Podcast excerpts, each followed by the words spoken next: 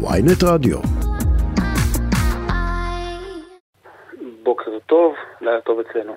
כן, כשראית את קבלת הפנים שנתניהו מקבל בחוף המערבי, אה, אתם מכינים לו הפתעות יותר גדולות? אני מקווה לגמרי שיהיו פה אלפי אנשים, אני מרגיש שיהיו פה אלפי אנשים. רואים פה קהילה ישראלית, קהילה יהודית שמתעוררת ומתחילה לעמוד, אה, קהילה האמת ישראלית כבר עובדת ופועלת ובועטת, אליה מצטרפת קהילה יהודית, וזה מחמם את הלב וזה מרגש, ולראות שכולנו הולכים להילחם ביחד על אה, שמירת אה, מדינת ישראל כיהודית ודמוקרטית. מה אתה באופן אישי חשבת על האמירה של נת... נתניהו טרום צאתו, על כך שחברתם לאש"ף ולאיראן? מה אפשר לחשוב? חצי עם, זה הדרך של נתניהו, להפוך כל מי שלא חושב כמוהו לבוגד, לא משנה מה דעותיו. בעיניי, חוץ מזה שאש"ף כבר לא קיים, אז זה מראה לי משהו קוגנטיבי, בעייתי קוגנטיבי. אה, מעבר לזה, אני בז לאמרה הזאת כמובן, במקום כמנהיג לחבר את העם, לדאוג לאיחוי, להגיד טעיתי, להתחיל לדבר ולסדר את העם מחדש, הוא ממשיך לססע ולקרוע אותנו. והוא מוביל למלחמת אחים, זה הבן אדם. תגיד, אבל לא הלכתם רחוק מדי, מיצג מול אלקטרז, שאתה לא, באופן אישי לא אחראי לו, אבל כשמקרינים על כלא קריים מיניסטר, אמ, האיש עוד לא הורשע. זה לפחות חוקית הוא לא ויכוח, העובדה שהוא מכהן בתפקידו. יש ויכוח על המהפכה סלש הרפורמה המשפטית. האם זה לא לתת נשק למי שעומד מולכם, להגיד שאתם בכל מקרה מתנגדים לו? תראי, אני לא מדבר בשם אחרים מצד אחד.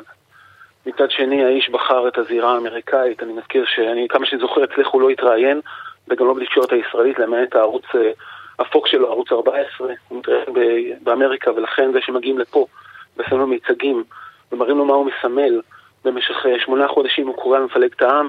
מבחינתי זה עובר, אפשר להמשיך קדימה, זה חלק מהמחאה הנכונה והצודקת שתשמור עלינו כמדינה יהודית ודמוקרטית. אבל, אבל לא הרגשת איזו תחושה שזה אולי קצת חסר טעם, אה, הסיפור של הכלא ו...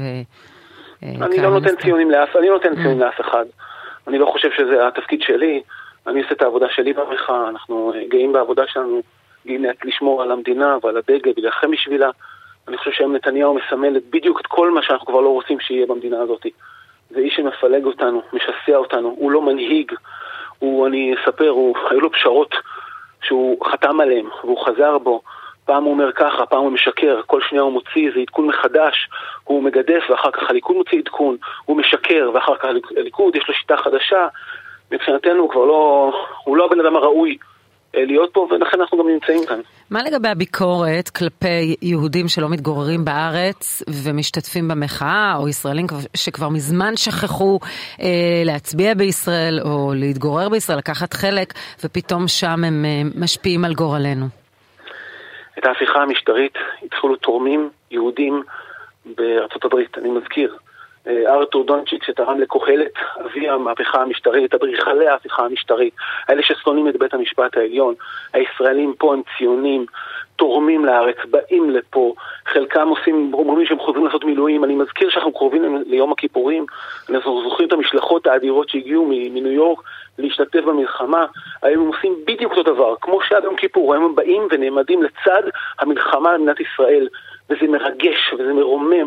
ואני קורא להם להמשיך לעשות את זה כמה שיותר. זאת הדרך הנכונה לשמור על מדינת ישראל, שנתפסה ונדחה בשבי על ידי אנשים שהכריזו מלחמה על הדמוקרטיה הישראלית.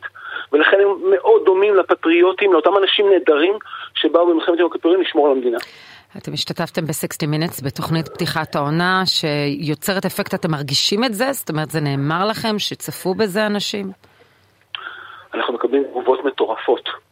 סוף כל סוף מתחילים להבין מה שקרה פה זה שנתניהו שיקר וסיפר לאמריקאים שהנשיא בוחר את השופטים כמו גם בארצות הברית, הוא רק לא סיפר להם שאין לנו חוקה, הוא לא סיפר שאנחנו גבוהים משנה, אין לנו סנאט, אנחנו רק מדינה אחת ולא 50 מדינות וכולי וכולי וכולי, הוא לא סיפר להם את האמת ועכשיו מתחילים להבין כמה שיטת המשטר שלנו היא רגישה, כמה היא פגיעה, כמה שבית המשפט הוא השומר היחיד באיזונים וכמה שנתניהו רוצה כוח בלתי מוגבל, כולם מבינים שהמטרה שלו, האישית, היא להינצל מהמשפט הזה, כולם מבינים מה רוצים החרדים, מה רוצים היהודים המשיחיים, מתחילים להבין פה מה קורה, זה חלק מההסברה כן, שלנו. אבל, חלק אבל מהתהליך. הקטע שלרבים היה קשה איתו, לפחות לצפות בו בארץ, כת- כאשר אתם יושבים מול המראיינת ונאמר שם שטייסי חיל האוויר מתבקשים על ידי שירה אטינג, טייסי חיל האוויר מתבקשים אה, לפגוע לפעמים באזרחים, או לפעמים לפגוע במטרות אה, שאינן צבאיות, ואתם רוצים לסמוך על...